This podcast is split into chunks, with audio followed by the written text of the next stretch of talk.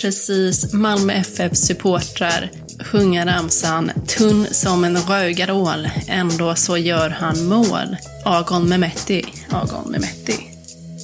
En hyllningssång till den före detta MFF-spelaren Agon Mehmetti.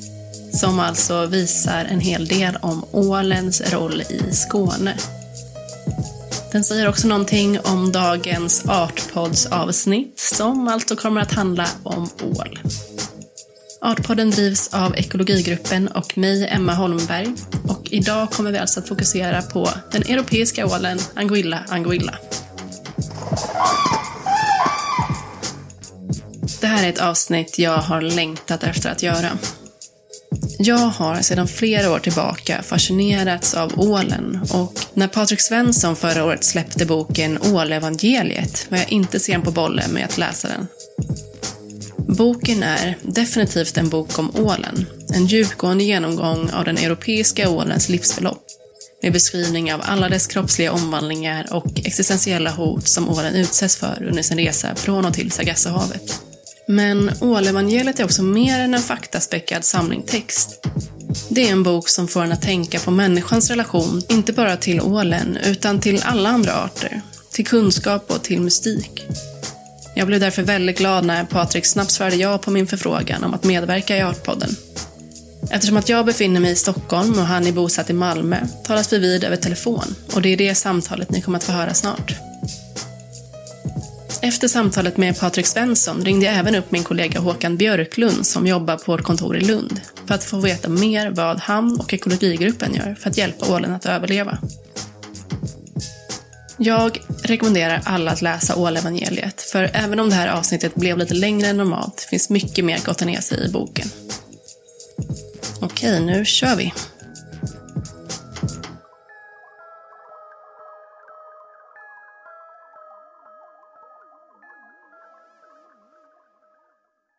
Välkommen till Artpodden, Patrik Svensson. Vad kul att du kunde vara med. Ja, jätteroligt att vara med. Jag tänkte börja med att fråga dig vad som fick dig att skriva en bok om ålen? Ehm, alltså mitt, eh, min fascination för ålen uppstod ju redan när jag var liten eh, och fiskade ål med min eh, pappa.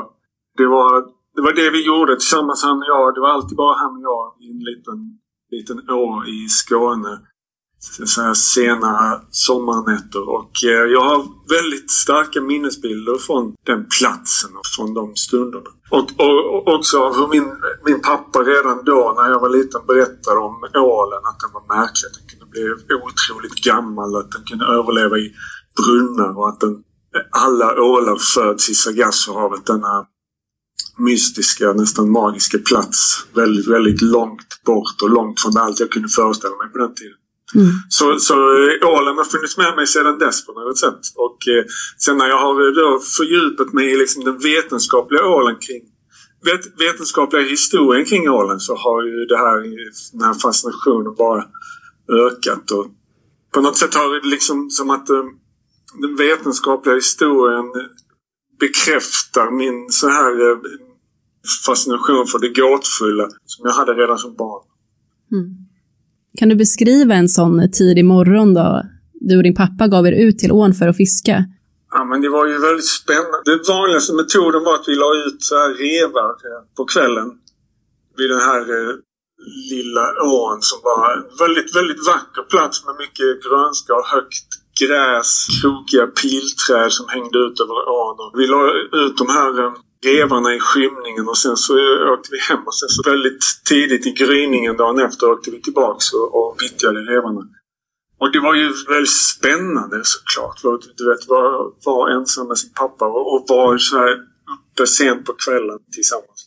Det fanns alltså pilövsträd där ni var. Det finns ju vissa kopplingar där till, till ålen. Skulle du säga att när du blickar tillbaka till den platsen och till den tiden, mm att också känner att du har återvänt till, till ditt ursprung, till ditt Sargassohav?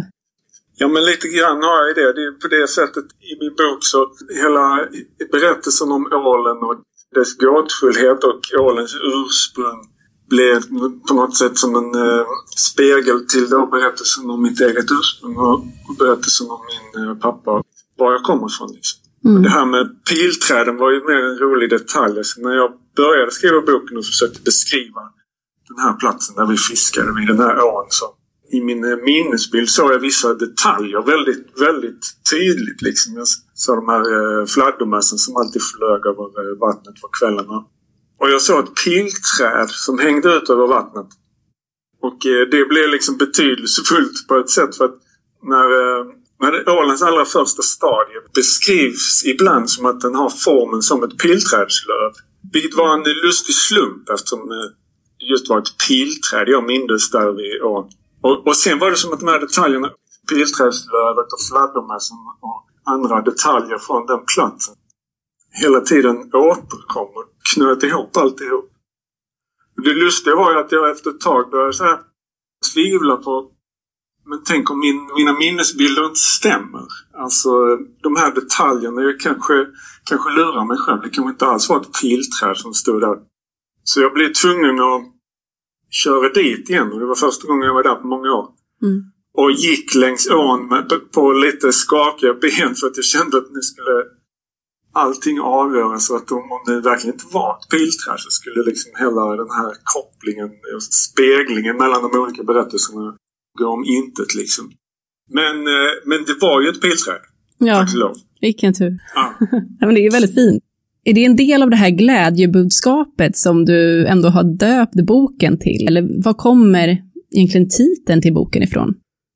Alltså evangelium betyder ju bokstavligen glädjebudskap. Ett positivt eh, glatt budskap. Om man läser eh, de kristna evangelierna så är ju budskapet att eh, Jesus eh, återuppstår från de döda och eh, finns med oss. Men om man, om man som jag inte är en troende person eh, inte tror på själva miraklet, alltså själva återuppståndelsen, så kan jag ändå säga att det på ett sätt finns ett budskap i, i evangelierna som handlar om hur man hanterar döden.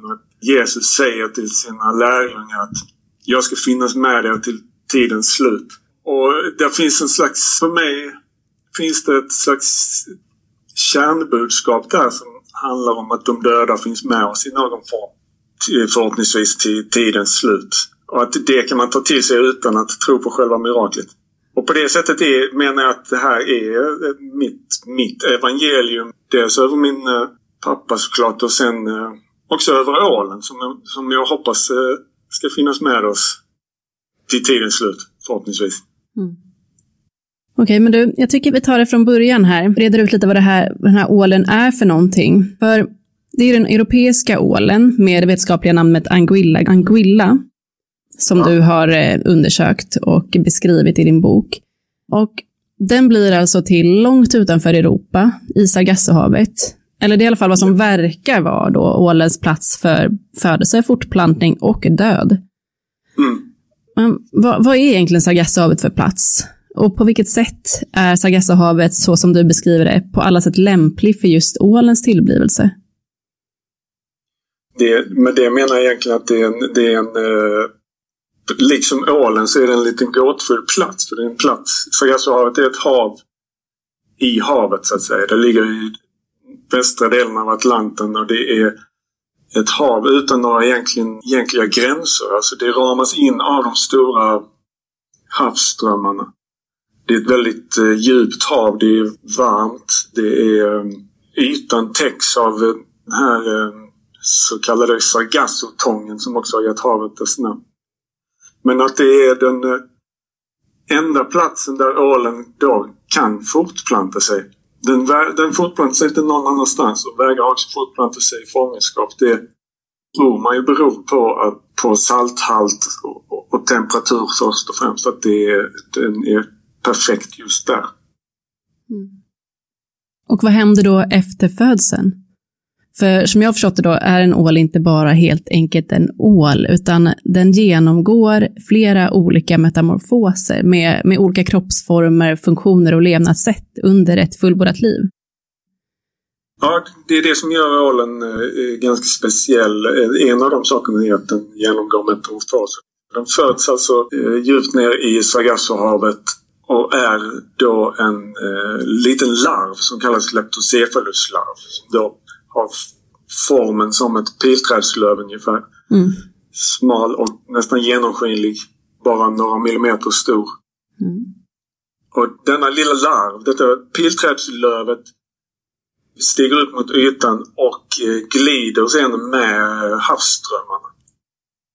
Till synes eh, maktlöst liksom. Den åker med Golfströmmen då hela vägen till Europa och det är ju en resa på 600 eller 700 mil som kan ta två till tre år. Ja, det är långt. Ja. Den når då Europas kuster och genomgår då sin första metamorfos och blir det man kallar för en glasål. Då får den den här ormliknande formen men den är bara 6-7 centimeter lång och i stort sett genomskinlig. Som, eh, som slingrande glasstavar. De här eh, små glasålarna vandrar då upp i eh, sötvatten. Det är också en sak som skiljer ålen från de flesta fiskar. Att den lever både i sötvatten och saltvatten. Mm. Var den eh, hamnar i Europa tycks vara eh, slumpmässigt. För att när man har undersökt det så, verkar det i alla fall inte som att glasålarna vandrar upp till samma plats som den tidigare generationen har eh, funnits på. Utan den hittar, eh, den hittar sin plats. Den vandrar upp i eh, åar eller floder över hela Europa. Eller hela vägen från Nordafrika upp till Norge. Och eh, hittar en plats där den sedan stannar helt enkelt. Mm. Och genomgår då sin andra metamorfos och blir till det vi kallar för gulål. Okej. Den vandrar upp, glasålen vandrar upp i vattendrag till sötvatten och där blir den en gulål. Ja. I vandringen upp i vattendragen och till sötvattnet, den kan också passera gräs då, eller? Den behöver inte bara röra sig i vatten. Nej, ålen kan, kan ju dessutom vandra på land. Alltså den kan klara sig i flera timmar på land. Och framförallt om det är lite så här fuktigt gräs så kan den vandra ganska långa sträckor på land mellan olika vattendrag. Det är kul du skriver det, att ålen är på så sätt en fisk som överträder fiskens själva förutsättningar. Ja, precis. Det verkar som att den inte riktigt förstår själv att den är en fisk. Kan, kan det se ut som. Ja, otroligt. Ehm, och där, vad händer med kroppen då, då, när den går över från glasål till gulål? Den blir kraftigare och större och eh, pigmenteras och blir den här gulbrun, gråaktig färg. Mm. Den eh, blir eh, den här ormliknande formen eh, väldigt slemmigt skinn. Den har, den har fjäll men de är så små att de varken syns eller känns egentligen. Den har små gälar, breda käkar, fenor längs hela ryggen. Och den hittar då som gulål en plats att leva på och där stannar den sedan. Den rör sig väldigt eh, små sträckor. Den eh, är ofta så passiv på dagen, jagar på natten. Den kan bosätta sig i en å eller en damm eller en sjö. Gärna där det finns lite stenar och hålor som den kan gömma sig i. Mm. Där det finns eh, gott om mat. Och sen stannar den där. Är det uppmärksammat experiment där när man har förflyttat ålen från, från sin utvalda boplats? Där de efter att ha fångats och placerats flera kilometer från fångplatsen då ändå återvänder, bara inom någon vecka, till exakt den plats det först fångats på. Ja, precis. Den lever ett till synes ganska passivt liv och det är ju också ett väldigt långt liv, eller kan vara ett väldigt långt liv. Det finns ju eh, bevisligen ålar som blivit över 80 år gamla. Det finns berättelser om ålar som har blivit långt över 100 år gamla. Och då lever de på samma plats alltså, som de har valt utifrån några kriterier som inte verkar vara särskilt kräsna. Nej, precis. Precis. Normalt kanske mellan eh, 10 till 30 år men den- kan alltså leva mycket längre på den platsen. Tills den eh, då en höst plötsligt får det här behovet av att återvända till Sargassohavet. Mm. Och var det kommer ifrån, det, det, det, det kan man inte riktigt förklara. Men uh, gulålen vandrar ut i havet igen. Och genomgår sin sista metamorfos och blir eh, eh, det vi kallar blankål. Ja. Då blir den, eh, den får så här, skarpare konturer, silverfärgad buk och mörkare rygg.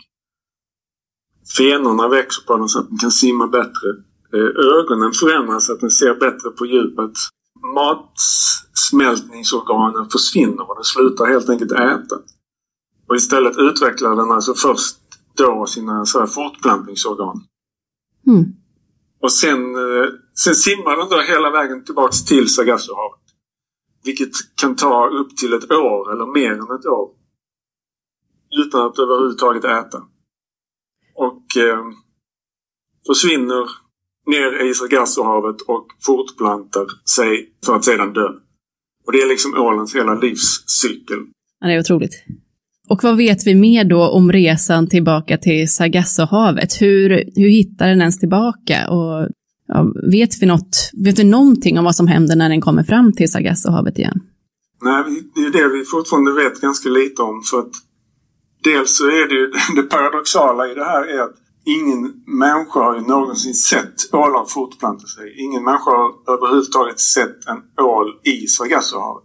Det enda man har sett där är de här små nykläckta larverna. Och det man vet är att det är just i Sargassohavet de är som allra minst och all, alltså är nykläckta. Och därför har man dragit slutsatsen att ålen fortplantar sig just där och bara där. Just det. Men, men som sagt, ingen människa har någonsin sett en ål eh, på platsen. Och man har gjort många försök. Man har försökt eh, fånga ålar i Sargassohavet. Man har använt akustiska mätinstrument och eh, trålar och olika redskap. Men aldrig ens sett skymten av en ål. Varken levande eller död. Nej.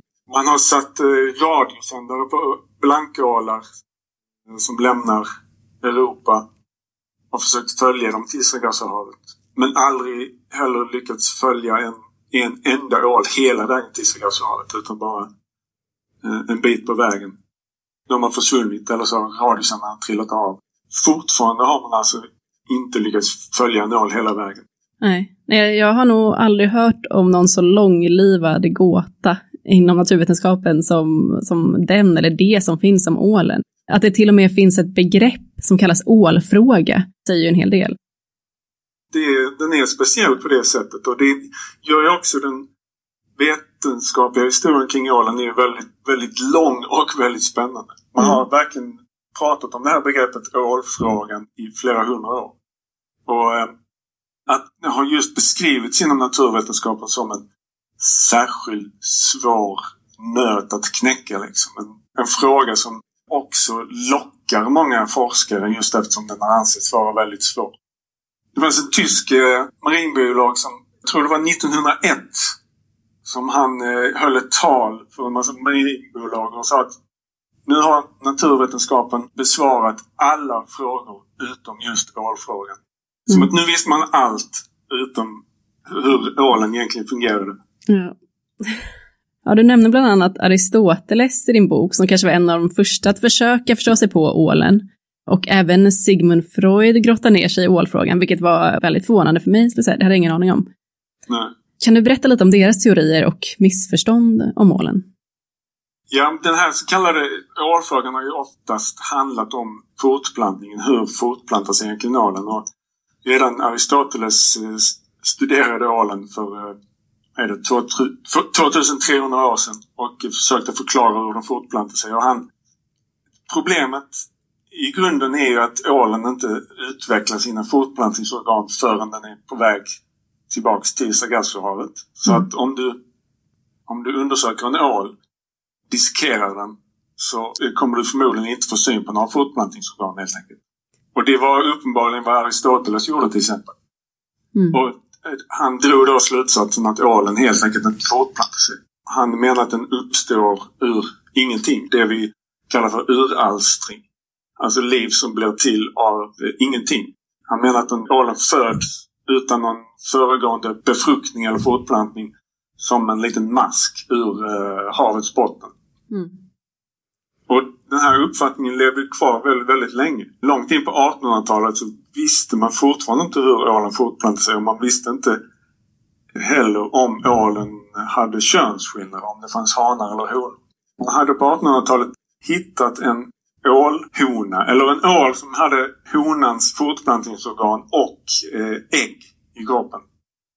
Men det fanns fortfarande en teori om att ålen kanske var hermafrodit. Att den var tvåkönad. Och att den eh, födde levande ungar.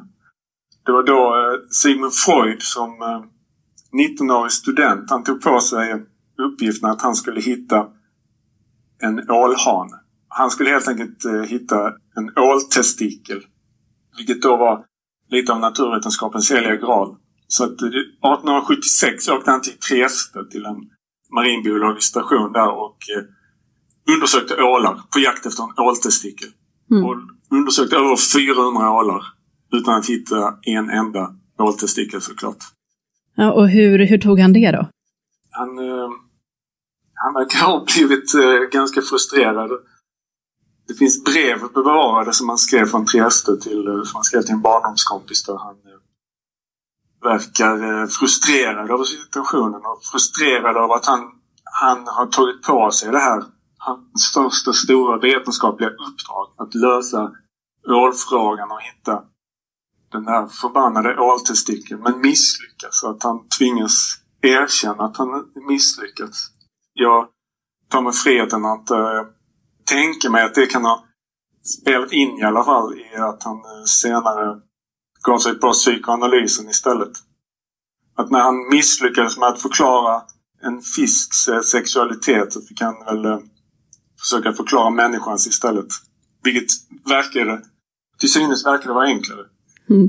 Ja, man kan ju förstå honom. Framför allt när man får läsa i din bok att inte ens döden är självklar för en ål. Du beskriver att du själv har sett en ål dö för att sen börja leva igen. Mm, ja. Inte bokstavligen såklart. Jag tror inte på återuppståndelsen varken eh, hos eh, Jesus eller ålen. Men, men eh, jag tror många som har haft, haft med ålar att göra har, har sett det här att den en ål som har legat länge på land kan man ser ut som att den är, verkligen är död. Man släpper man ner den i vattnet igen så får den plötsligt liv igen och börjar röra på sig. Och många som har eh, tagit hand om ålar och dödat dem och styckat dem, de eh, känner igen det här att ålen fortsätter röra på sig långt efter att den bevisligen är död. Alltså en ål kan ju röra på sig eh, när man steker den i stekjärn, du vet. Mm. Vrida sig och, och skaka liksom på mm. ett uh, rätt så uh, märkligt och lite otäckt sätt. Ja. ja, men det är ju någonting med det här med allt det mystiska som finns med ålen som också ganska snabbt har jag reagerat på själv. Går från, ja, man går från fascination över ålen till äckel. Det händer mig när jag ser både bilder och videos på den. Mm. Och, och just den här typen av motstridiga känslor har ju använts mycket inom konst och litteratur i alla fall, där ålen har fått fungera som en metafor för något främmande och obehagligt. Och mm. Du tar upp exemplet i Günter Grass roman Bläcktrumman från 1959, som också blev film senare. Ja. Och jag minns själv den scenen på stranden, eh, där fiskemetoden av ål med hjälp av ett stort hästhuvud beskrivs. Och mm. ja, det är, det är verkligen än idag en av de absolut mest obehagliga scener jag känner till. Mm. Men det jag har tänkt på är att det inte endast är äcket i själva ålen jag känner i den scenen, utan, utan också ett obehag inför den situation som människorna har försatt sig i. Eh, mm. En situation som jag tolkar är driven av lust, men som där och då avslöjar sig som någonting avskyvärt. Och det gör att jag trots de icke-känslor som finns hos mig när jag ser en ål, fortsätter då att försöka förstå mig på den bättre. Jag vill helt enkelt jag tror att jag vill försöka förstå mer om mig och om oss människor. Vad, vad känner du när du ser en ål, fiska den eller, eller när du har ätit den för den delen?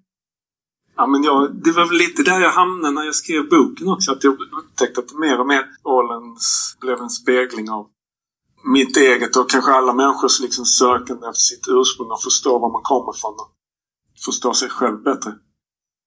Ålen har, har just ofta symboliserat någonting liksom undermedvetet. Någonting som rör sig under ytan liksom i det fördolda och eh, som vi, även om vi vet att det finns där så vill vi kanske inte alltid att det ska komma upp till ytan. Mm. Så är det ju uppenbarligen i Bläcktrumman till exempel men även i andra böcker eller filmer där den dyker upp. Men för mig jag förstår obehaget. Många, många tycker det är obehagligt att den är just är så ormliknande och att den är hal och slemmig och slingrande och sådär. För många förknippar också ålen med säga att den är en människoätare. Ja. Den äter lik liksom, vilket gjorde att många äldre människor i Sverige inte vill äta ål på grund av det. Jag tycker det är något eh, fint och fascinerande också i ålens själva livsförlopp. Det här att den eh, driver med havsströmmarna som liten. Finner sin plats och, och skapar sig sitt sammanhang liksom. Mm. På egen hand.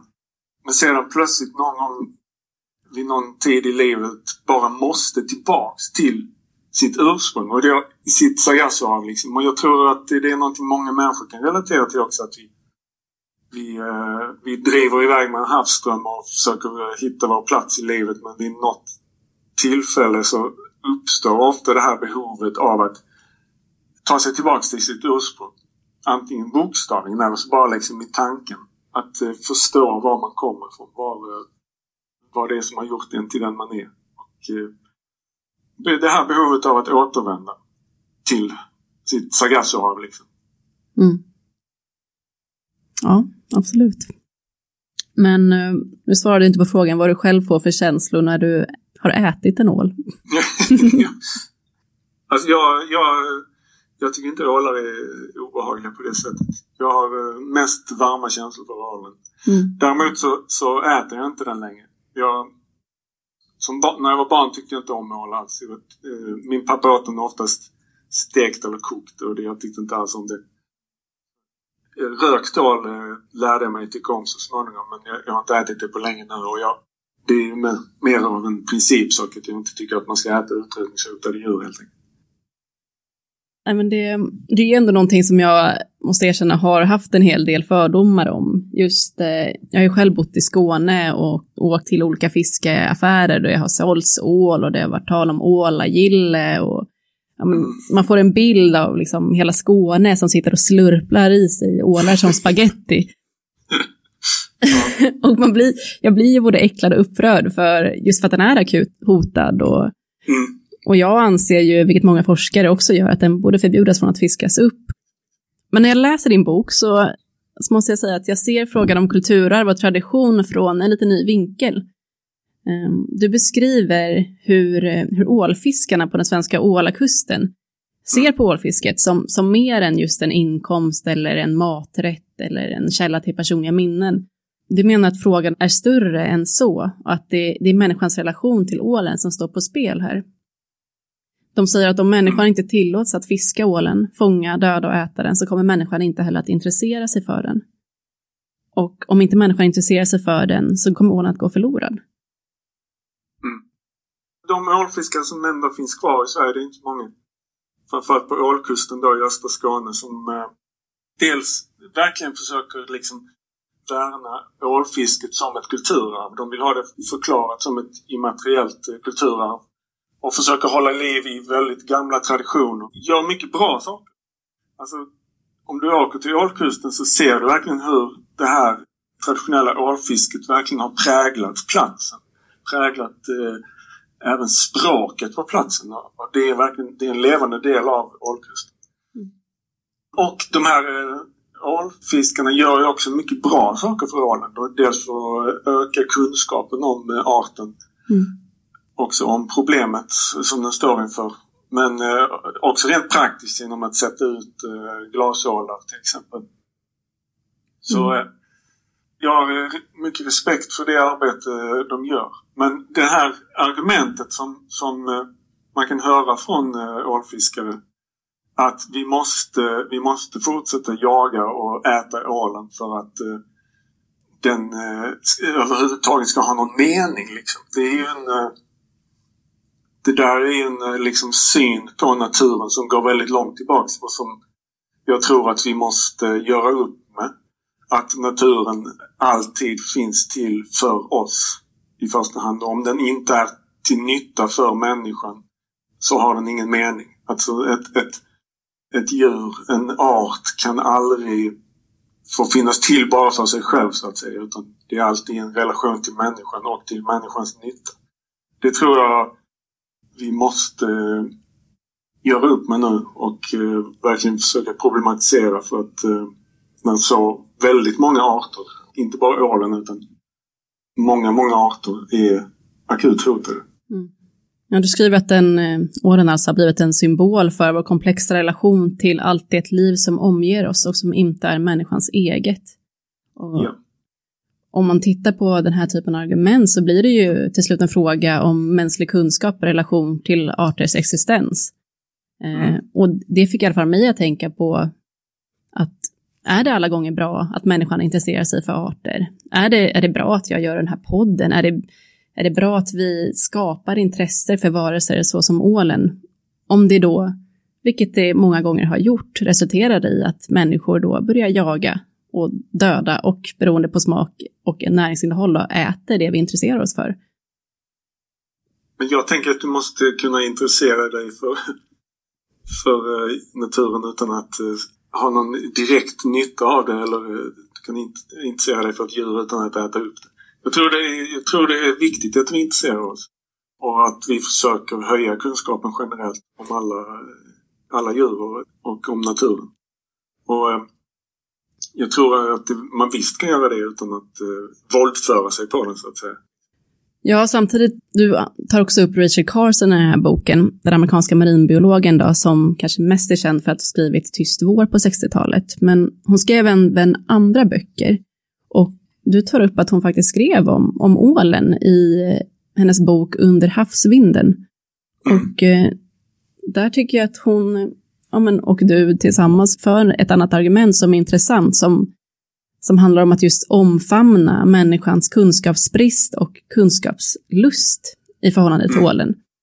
Och skriver bland annat att berättelsen om årarnas vandring till sina lekplatser är gömd i havets famn.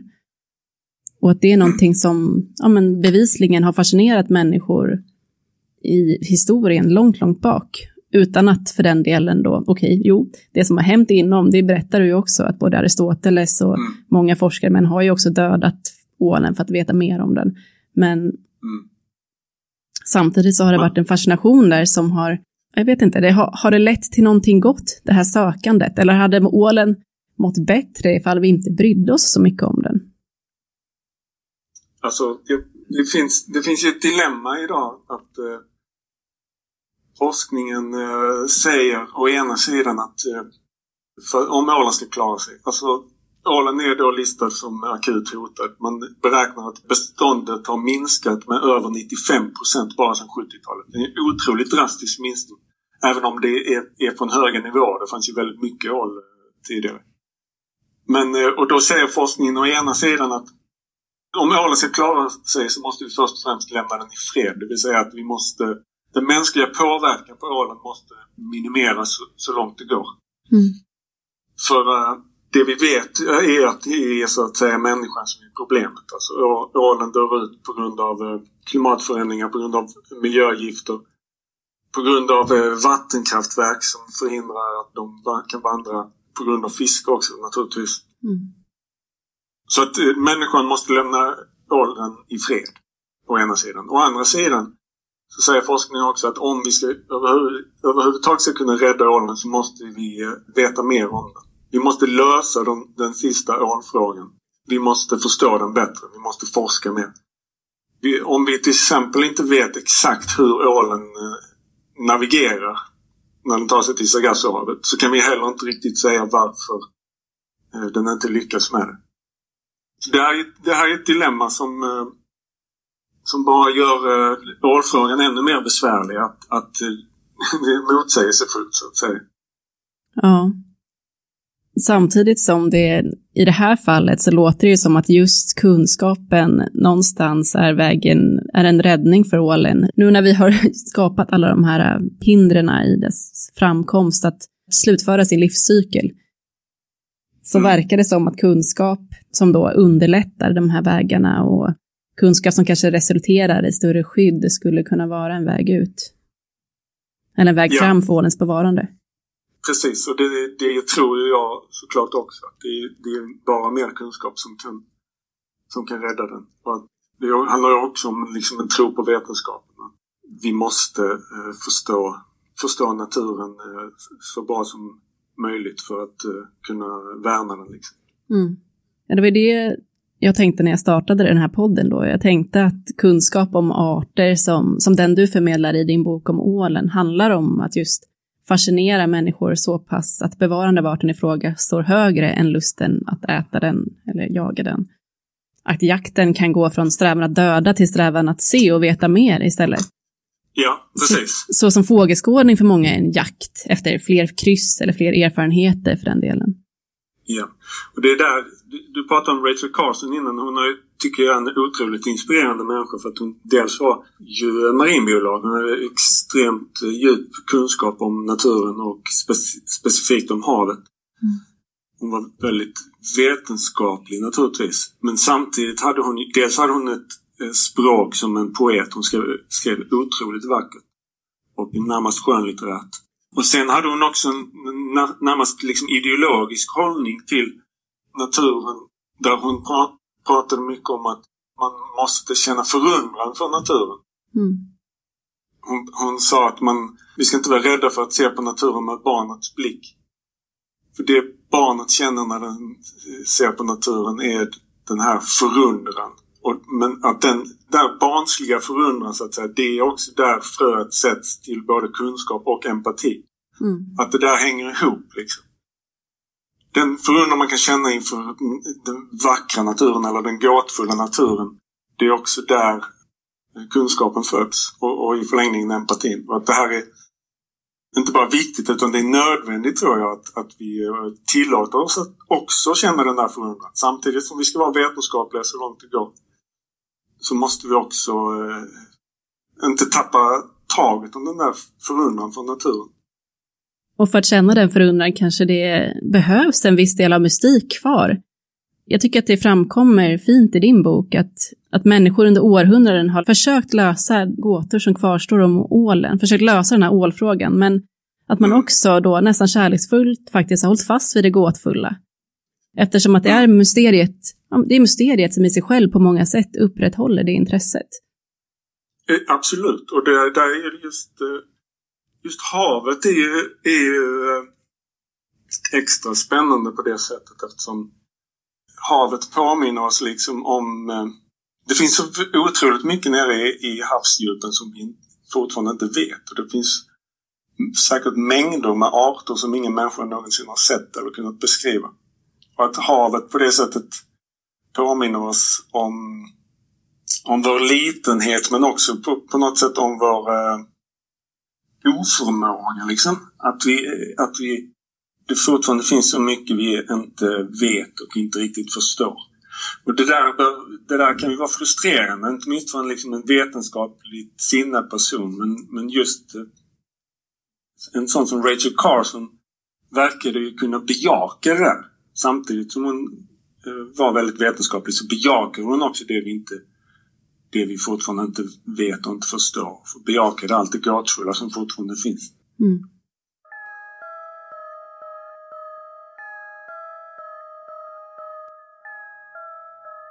Din bok kommer ju faktiskt att översättas till över 30 språk och säljas i lika många länder. Det är en, mm. det är en stor spridning. Vad hoppas du att det kommer leda till? Ja, jag, jag vill ju... En tanke med att skriva boken var ju också att eh, använda ålen som ett exempel för att liksom eh, berätta om något väldigt mycket större som sker och som vi behöver bli mer medvetna om. Och det är liksom det här när man pratar om artdöden. Man pratar om det sjätte massutdöendet och eh, många arter som faktiskt är hotade idag. Det kom en FN-rapport förra våren om att över en miljon arter är hotade av utrotning.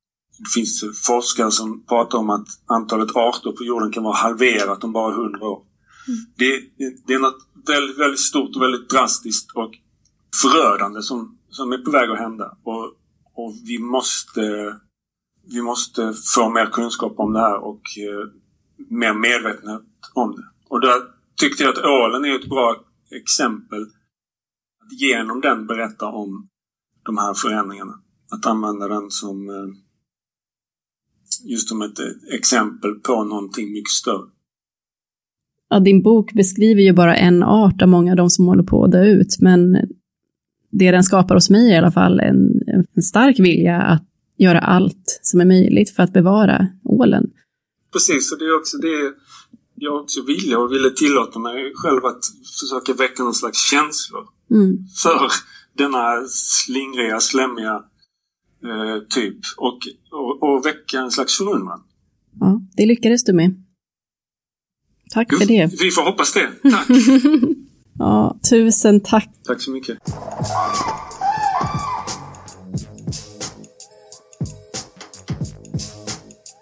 Och nu är det då dags för Håkan att eh, berätta lite mer vad det är för faktiska hot och hinder som står i vägen för ålen. Men också vad han och andra gör för att hjälpa ålen att överleva.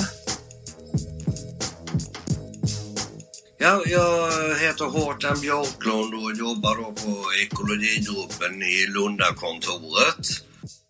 Vad har du för relation till ålen? Min relation till ålen är att jag är väldigt eh, förtjust i både stekt och rökt stål. Ja. Och jag har väl eh, fiskat ål en del för, för många år sedan.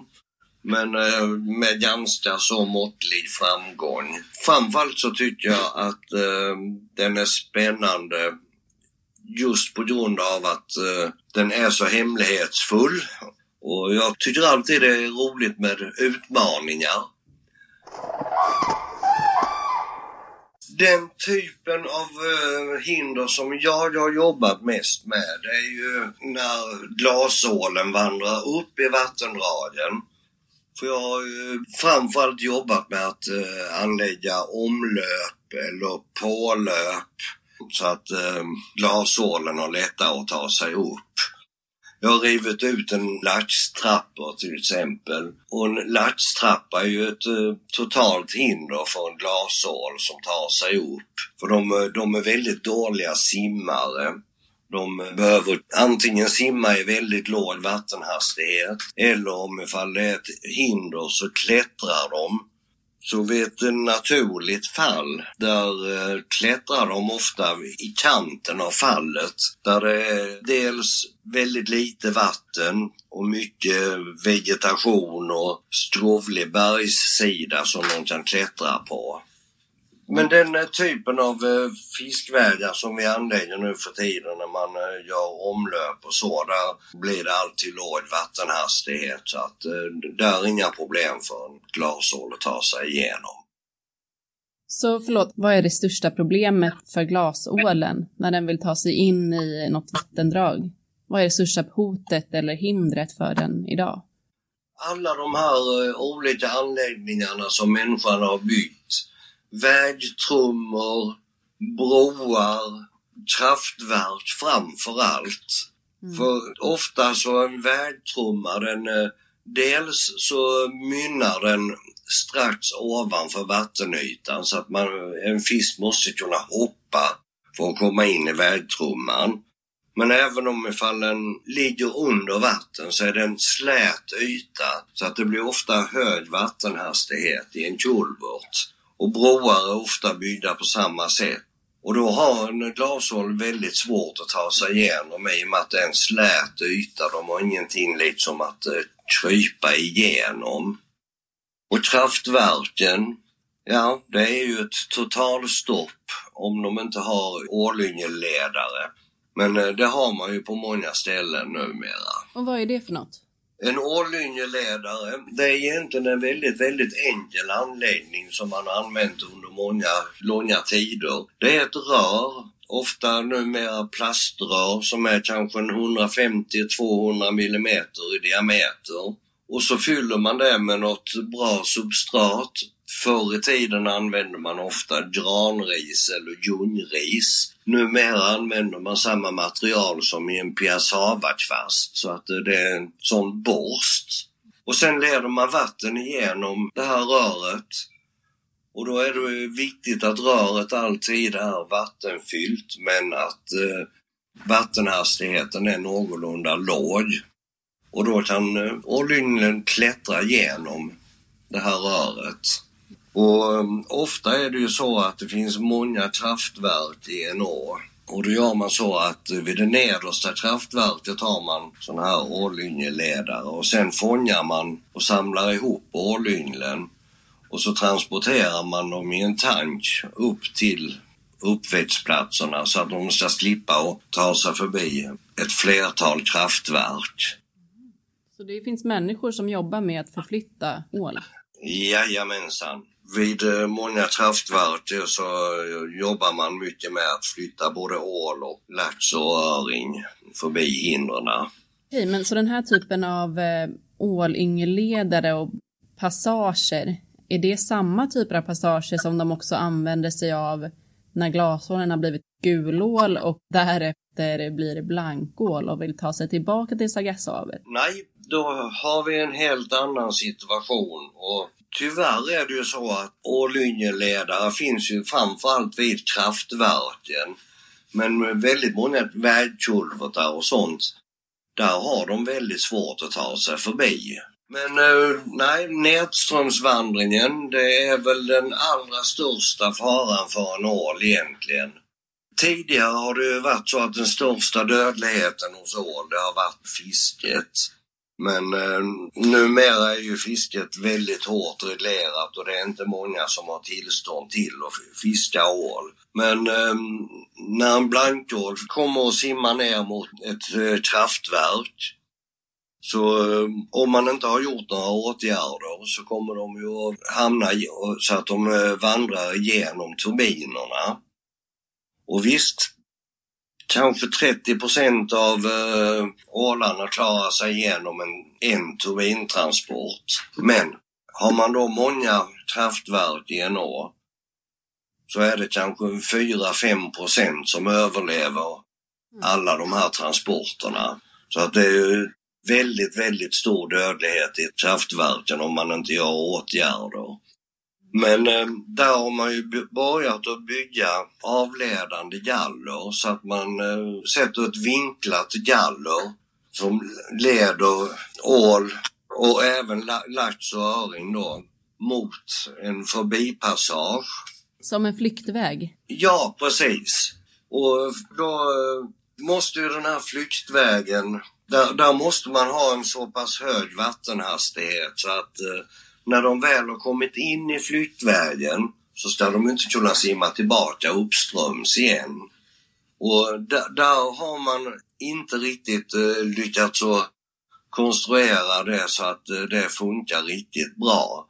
För att eh, när fisken närmar sig ett område med ökande vattenhastighet då är det ungefär som när de närmar sig ett vattenfall. Och ett vattenfall är ju såklart farligt för en fisk att ramla ner för. Så att eh, fisken blir ju ofta stående och är tveksamma till att gå in i den här flyktvägen. Så att eh, där pågår ett utvecklingsarbete för att få de här flyktvägarna att fungera på ett bättre sätt. Men sen eh, när de väl har kommit in i flyktvägen då åker de ju i en ränna eller i, i ett rör ner till eh, nedströms eh, kraftverket. Men då är det väldigt viktigt att den här flyktvägen mynnar på ett ställe så att inte det är lugnt vatten så att till exempel gäddorna kan samlas där och stå och plocka dem när de kommer ut ur flyktvägen. Utan man försöker att få den att mynna till exempel under turbinutloppet där det är hög vattenhastighet och varken gäddor eller eh, fåglar kan stå och plocka utvandrande fiskar. Hur många procent eh, tror man överlever en vandring? Eh, så här, hur många överlever att ta sig tillbaka till Sargassohavet om vi börjar där? Det vet man faktiskt inte alls man har en eh, målsättning på att av eh, den fisk som eh, metamorferar till blankål så ska 40% klara transporten ner till havet. 40 det är målsättningen. Idag ligger vi långt, långt under den målsättningen. Vad tror man att man ligger idag då? 40 är ju inte särskilt högt. Det är absolut inte högt, nej. Man ligger kanske på, ja, i vissa vattendrag, eh, kanske på 10-20 procent. Sen kan man, ju, kan man ju tro då att när de väl har nått uh, havet så då är väl alla problem förbi liksom och att det bara är de naturliga predatorerna som är risken. Men eh, vissa stu studier tyder på att, att eh, den ål som kommer från Östersjön är i så dåligt skick. Varför vet man inte riktigt, men att de har så dåliga fettreserver så man tror inte att de klarar att ta sig tillbaka till Sargassohavet helt enkelt. Och det är även väldigt vanligt med Östersjöål att de har parasiter i simblåsan. Så att ehm, det, det, det, är nog ganska stor dödlighet även på utvandrande fisk när de väl har nått havet. Den svenska ålen den simmar ju längs med Norges kust upp till bergen och ungefär vid bergen där svänger de av ut i Atlanten. Det är förmodligen som så att eh, det är lämpligast strömförhållanden där. Men man har inte lyckats att följa en enda ål hela vägen till eh, Sargassohavet utan det är flera hundra mil kvar när de har försvunnit. Vägen för eh, glasålen och vandra in till Europa är 700 mil men eh, vägen tillbaka är kanske 800 mil. Så det är en lång vandring. Ja, det verkar inte vara en lätt vandring heller. Så många hot och hinder på vägen. Så många hot och hinder på vägen, ja. Det är nog som så att eh, kraftverken är det, de allra största hoten. Absolut viktigaste för att få ålen att överleva det är ju att se till att vandringsvägarna fungerar både upp och nedströms. Och så är det ju för alla fiskarter. Så att eh, vandringsvägar tvunget att arbeta vidare med.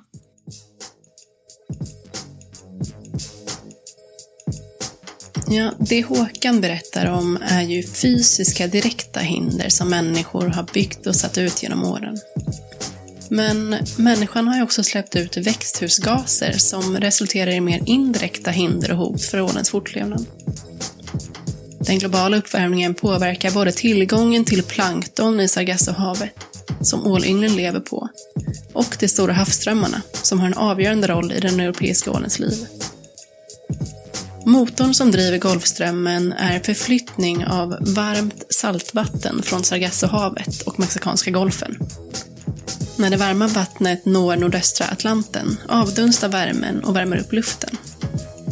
Det avkylda saltvattnet får då ännu högre salthalt, blir tyngre och sjunker ner mot havsbotten. Det här resulterar i kraftiga vattenfall som kontinuerligt suger in nytt varmt vatten mot Europa och driver på Golfströmmen. Men i och med den globala uppvärmningen smälter glaciärerna, vilket innebär att saltvattnet späs ut med sötvatten och blir lättare och därmed inte sjunker. Det gör att Golfströmmen försvagas, vilket gör det väldigt svårt för ålarverna att ta sig till Europa. Men det finns ändå vissa saker som gör att den europeiska ålen kanske ändå har en framtid. Dels för att den, till skillnad från till exempel laxen, inte vandrar upp i ett specifikt vattendrag, utan bestämmer själv var den har lust att bosätta sig. Dels också för att hela det europeiska ålbeståndet utgör ett enda bestånd så att även ifall ålen som lever vid Ålakusten här i Sverige skulle dö ut, kan den, ifall den överlever i andra delar av Europa, återetablera sig här i Sverige när vi väl har åtgärdat alla dessa vandringshinder. Ni får gärna höra av er ifall ni har några frågor eller rekommendationer på andra arter att ta upp i programmet. Det kan ni göra på Ekologigruppens hemsida, på vår Facebook eller på Instagram där ni också kan se bilder på det som har medverkat idag och i alla andra Artpoddens avsnitt. Tack för att ni har lyssnat. Hej då!